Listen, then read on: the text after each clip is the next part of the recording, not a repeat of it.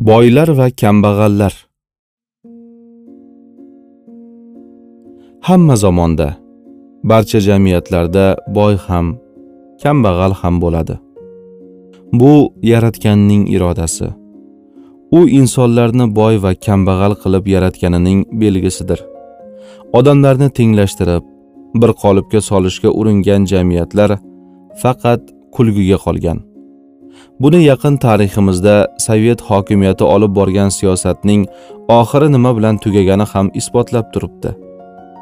Bu hokimiyat boylarning barcha mol mulkini tortib olib uni kambag'allar o'rtasida taqsimlab berish va shu yo'l bilan sinfiy adolat o'rnatish orqali farovon jamiyat qurishni istagan edi. Sovetlarning bu tajribasi nima bilan yakun topganini hamma yaxshi biladi. Yo'qolsin boylar deya boylarni yo'qotdi. Yashasin yo'qsillar deya yo'qsillikni urchitdi. Devor darmiyon tomlari tutash ikki qo'shni bor. Lekin ana shu qurg'ur tomdan boshlab ularning butun turish turmushi bir birining aksi bir biriga qarama qarshi. O'ngdagi qo'shnining tomi chapdagisiga qaraganda bir uy baland. Oq tunukadan hattoki tarnovlari ham kungurador yasalgan. Bunisiniki pastroq shiferli tarnovi qora tunikadan. O'ngdagi qo'shinning neksiyasi bor. Buning ustiga yaqinda 10 sinfda o'qiydigan o'g'liga ozgina minilgan matiz olib berdi. Chapdagi qo'shni ham ulardan ortda qolmasligi uchun qarz havola qilib bo'lsa ham o'g'lini uylantirishga atab qo'ygan molini sotib jiguli sotib oldi. Eng qizig'i qo'shnisining jig'iga tegish uchun neksiyaning egasi mashinasini tor ko'chaning o'rtasiga to'xtatib kirib ketadi. Qo'shni mashinasini uyga olib kirolmay xunob kunlar shu zaylda o'tib borardi. Ikki qo'shni o'rtasidagi tortishuv pinhona husumat tobora kuchayib ziddiyat chuqurlashib bordi. Avvallari bir birlarini ko'rganda og'zilaridan bol tomgan qo'shnilar endi ikki eshikdan o'qrayishib chiqib baqrayishib o'tib ketadigan to'y ma'rakada yonma yon o'tirib qolishsa ters o'giriladigan bo'lishdi. Erkaklarning qilig'i uydagilarga ham ko'chgan. Ordona qolsin uyida sichqonlar qo'ltiqtayoqda suvaraklar sillasi qurib yotibdiyu kerilganiga o'laymi deya burnini jiyradi o'ngdagi qo'shni ayol. Ko'rmaganning ko'rgani qursin. Yaqinda uyimizga tuz so'rab chiqardi. Endi jir bitib burni ko'tarilib qoptimi deydi chapdagi qo'shni ayol. Kunlar o'tib borar ikki qo'shnining muomalalari borgan sari terslashardi. Sezgan bo'lsangiz kerak. O'ng tomondagi qo'shni o'ziga to'q badavlat kishi bo'lib bir necha do'koni va korxonasi bor edi. Ikkinchisi esa oddiy ishchi bo'lib ishlar bozor sharoitida qo'li qisqalik qilib turmushi hiyla tortilib qolgandi. Shunday bo'lsa ham u buni tan olgisi kelmas qo'shnidan ortda qolmaslikka tirishardi. Ustiga ustak qo'shnisining boyligi to'kin farovon yashashi jig'iga tegar hasaddanmi g'ayirlikdanmi ko'nglining bir chekkasida o'zining nochorligiga go'yoki u aybdorday qo'shnisidan o'ch olish istagi ham g'imirlab qolardi. Kunlar shu taxlidda o'tar. Ikki qo'shni o'zini haq sanab sherigidan o'pkalar lekin ikkovi ham oddiy bir haqiqatni tushungisi kelmasdi. Oddiy haqiqat esa shunday ediki parvardigor birovni badavlat qilib birovni faqir qilib yaratgan. Barcha zamonlarda barcha yurtlarda boy ham kambag'al ham bo'lgan. Faqatgina boylar men badavlatman deb faxrlanmasliklari shariat hukmiga ko'ra topgan boyliklaridan zakot berishlari kambag'allarga ehson sadaqa qilishlari zarur. Kambag'allar esa o'z holatlaridan uyalmay afsuslanmay buni Allohning bir sinovi sifatida qabul qilishlari badavlat kishilardan qayerim kam deb ularga tenglashish uchun intilmasliklari lozim ekan. Chunki bu narsalar yaratganning o'lchovlaridir. Bularni buzgan kishilar uning hukmidan chekingan hisoblanishadi. Bir xabarda aytilganidek qay biringiz o'zingizdan boyroq va ko'rkamroq odamni ko'rib qolsangiz darhol o'zingizdan kambag'alroq va xunukroq odamlar ham borligini eslang. Darhaqiqat boylar dunyoga mag'rurlanib haddilaridan oshsa ehson sadaqani tark etishsa kambag'allar faqirlikni Allohning jazosi deb bilib noshukurlik yoki sabrsizlik qilishsa baravariga uning rahmatidan uzilgan bo'lishadi. Rivoyatlarda bunday deyilgan. Kambag'allar jannatga boylardan 500 yil oldin kirishadi. Jannatga boqdim ko'rdimki u yerdagilarning aksariyati kambag'allar ekan. Hamda do'zaxga boqdim ko'rdimki u yerdagilarning aksariyati ayollar ekan. Jannat darvozasi oldida turib qarasam u yerga kirayotganlarning ko'plari bechora miskinlar ekan. Boylar esa tashqarida ushlab turilibdi. Bir jamiyatda boylar qadrlanib faqirlar xo'rlansa boylar qo'llariga kelgan mol dunyoda kambag'allarning ham haqqi borligini unutib yuborishsa hayot muvozanati buziladi. Jamiyat nizomi izdan chiqadi. Faqirlar boylarning dushmaniga aylanadi. Ijtimoiy portlashlar inqilob va isyonlar maydonga chiqadi. 1917 yilda rusiyada keyinchalik turkistonda bo'lgan to'ntarishlar bunga jonli misoldir. Turkistondagi sho'royi islomiya tashkiloti rahbarlarining 1917 yil 28 aprelda najot gazetasida bosilgan murojaatnomasida quyidagi gaplar yozilgan. Sho'royi islomiya davlatlik qilishlardan iltimos qiladurki urf ma'rakalarni ham ko'p katta qilib yubormasdan mumkin qadar qasdi rioya qilsalar tejab sarf qilsalar ham to'ydagi pul va g'alla sarfini mahallalardagi och yalang'och beva bechoralarga maktab madrasa va jamiyati xayriyalarga bersalar. Ammo ochiq fikrli allomalarning qaynoq murojaatlariga uncha quloq solinmadi.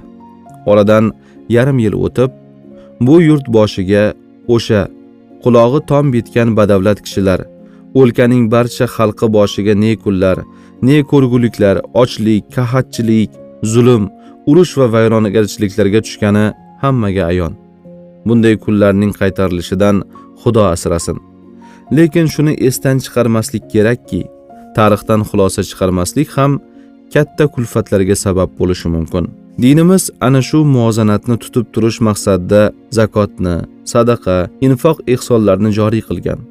Zakot islomning ko'prigidir deyilgan. Bu boy bilan faqir orasidagi nizoning oldini oluvchi ko'prik faqirning boyga dushman bo'lishining oldini oluvchi ko'prikdir. Zakot ayrim nodonlar o'ylaganidek boylarni jazolash yoki faqirni badavlat qilish chorasi emas balki dinimizda inson boylikdan yuqori turishini ko'rsatishdir.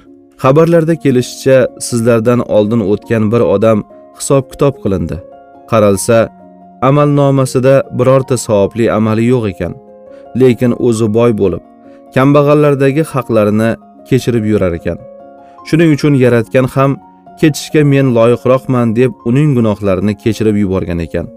Qaysi bir amir yoki hokim hojatmandlar faqir va miskinlarga xayr ehson eshigini yopsa alloh taolo ham unga nisbatan xayr ehson va hojati uchun osmon eshiklarini yopib qo'yadi.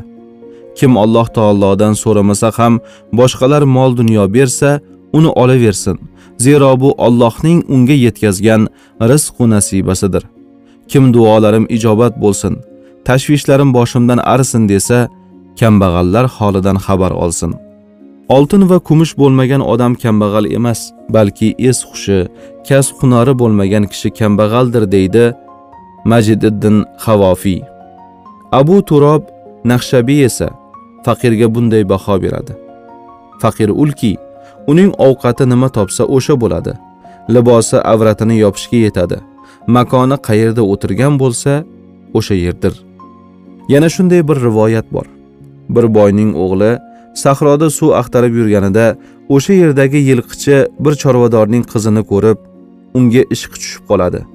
Qizning otasidan uni o'ziga nikohlab berishini so'raydi. Ota yigitdan qanday hunari borligini so'raganida yigit men falon boyning o'g'liman. Boyligimiz o'zimizga ham bolalarimizga ham bolalarimizning bolalariga ham yetib ortadi deb javob beradi.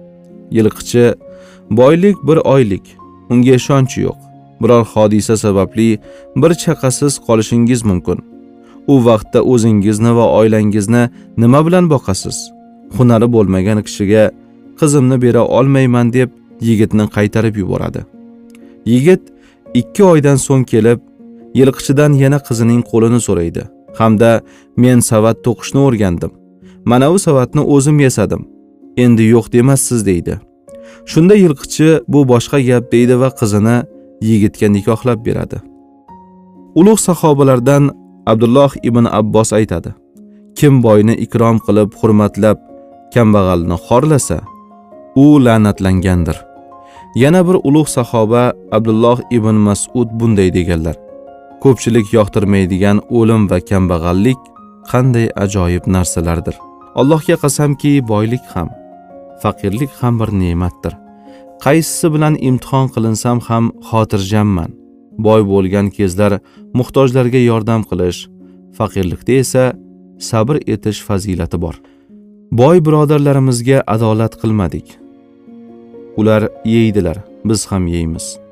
Ular ichadilar biz ham ichamiz. Ular qiynalishadi biz ham qiynalamiz. Ularning ko'p mollari bor unga qarashadi. Biz ham ular bilan birga o'sha mollarga qaraymiz. Ular hisob berishadi biz esa hisob berishdan ozodmiz deydi abu dardo. Shaqiq zohidning esa mana bunday fikri bor. Kambag'allar ham boylar ham uchta narsani ixtiyor etishgan. Kambag'allarning ixtiyor etgan narsalari nafsning rohati qalbning yumshoq va hisobning yengil bo'lishi. Boylarning ixtiyori nafsning charchashi qalbning mashg'ulligi va qattiq hisob. Boyning bir ko'zi kambag'alda bo'lishi kerak. Bir qo'lini kambag'alga berishi lozim. Kambag'aldan yuz o'girgan boyning ko'zlari xoin ko'zlardir deydi muhammad kamol pilav o'g'li. Boylarning eng katta fojiasi shundaki ular hamisha kambag'al bo'lib qolishdan qo'rqib yashashadi. Ularning butun fikri yodi boyliklarini tinmay to'plab ko'paytirishga hech bo'lmaganda uni hozirgi miqdorda ushlab turishga qaratilgan bo'ladi. Ular bu yo'lda hamma narsaga o'zgalarni aldashga yolg'on gapirish va yolg'on guvohlik berishga halol haromning farqiga bormaslikka sutxo'rlik muttahamlik qilishga pora olish va berishga zulmga hattoki iymondan kechishga tayyor turadilar. Ayrim boylar o'z mol dunyosini asrab qolish uchun hatto e'tiqodini o'zgartirish millatga va dinga xiyonatlar qilish darajasigacha boradilar. Badavlat kishi iymonli bo'lsa boylikning vaqtinchalik bir ato in'om ekanini his qilib iloji boricha uni kerakli o'rinlarga sarflashga intiladi. U mabodo qo'lidan ketsa buni odatiy hol sifatida qabul qiladi. Bunga unchalik afsus nadomat va fig'on chekmaydi. Hayotini kelgan joyidan davom ettirib ketaveradi. Mana shu yerda nozik bir nuqta bor. Juda ko'p iymonli boylarni ko'rganmiz. Mol dunyosi to'lib toshganida ham yonida hech vaqosi qolmaganida ham o'zini birday tutadi.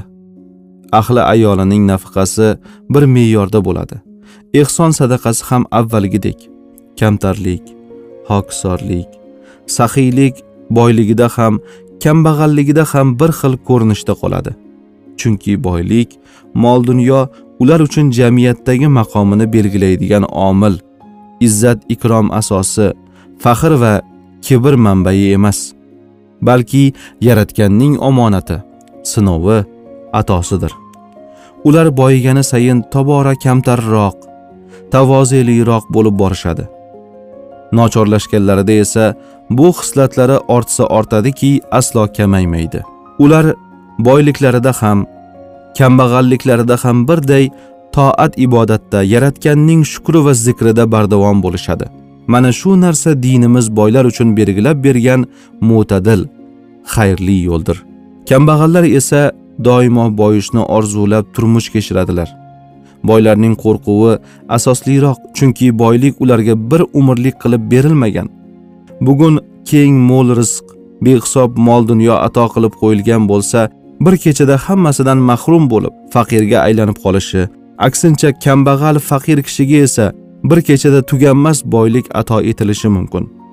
Kambag'alning vazifasi berilgan ulug' ne'mat va imtiyoz bo'lmish faqirlikning qadriga yetish buning uchun yaratganga tinmay hamd shukronalar aytish buni o'ziga berilgan bir imtihon va ayni paytda boqiy dunyoda erishilajak ulkan ajr mukofotlar va savoblar manbai sifatida qabul qilishdan iboratdir. Damashqni qonga botirgan bosqinchi hukmdor abdulloh ibn ali hatto ummaviylar masjidiga ot va hachirlarni haydab kiritgan vahshiy edi. U vazirlariga qarata yana menga qarshi odam bormi? dedi. Ular yo'q deyishdi. Meni tanqid yoki haqorat qiladigancha so'radi u.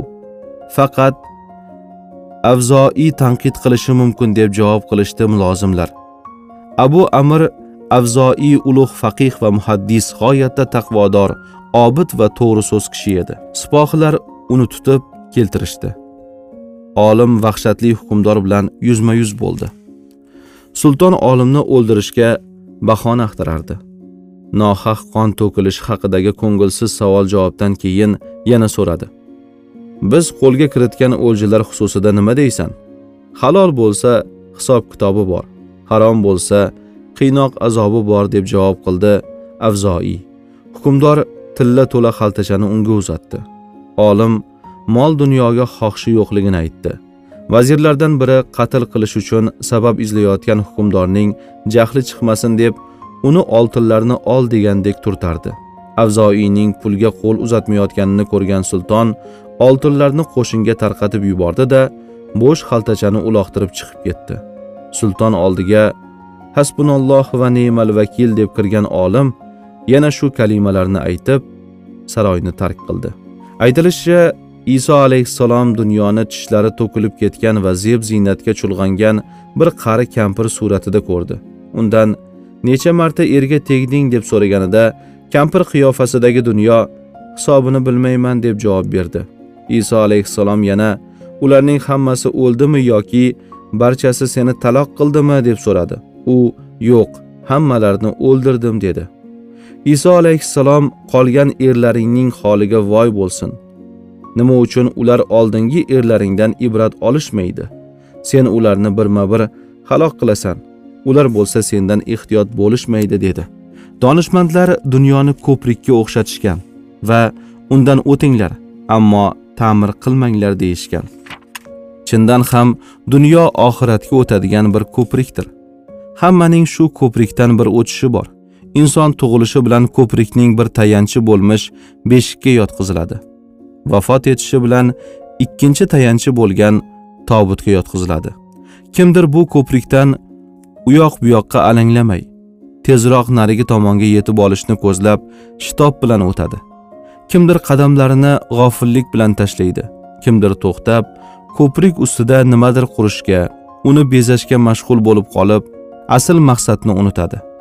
Mana shunisi benihoya jaholat va hamoqatdir. Aytishlaricha dunyoni sevgan unga mubtalo bo'lgan kimsa xuddi dengiz suvini tinmay ichuvchi kimsaga o'xshar ekan. Qancha ko'p ichsa tashnaligi shuncha ziyoda bo'laveradi. Chanqog'ini qoldirmoqchi bo'lib to'xtamay ichaversa oxiri halokatga olib boradi. Ajdodlardan biri safdoshlariga qarata men bilan yuringlar. Sizlarga dunyoni ko'rsataman degan ekan. Hamma unga ergashibdi. U esa safdoshlarini axlatxonaga boshlab boribdi va mana sizlar ming mashaqqat bilan izlab topib yegan mevalar tovuqlar asal va yog'laringizga bir boqinglar. Sizlar aylanib o'rgilib iste'mol qilgan narsalar oxiri nimalarga aylandi debdi.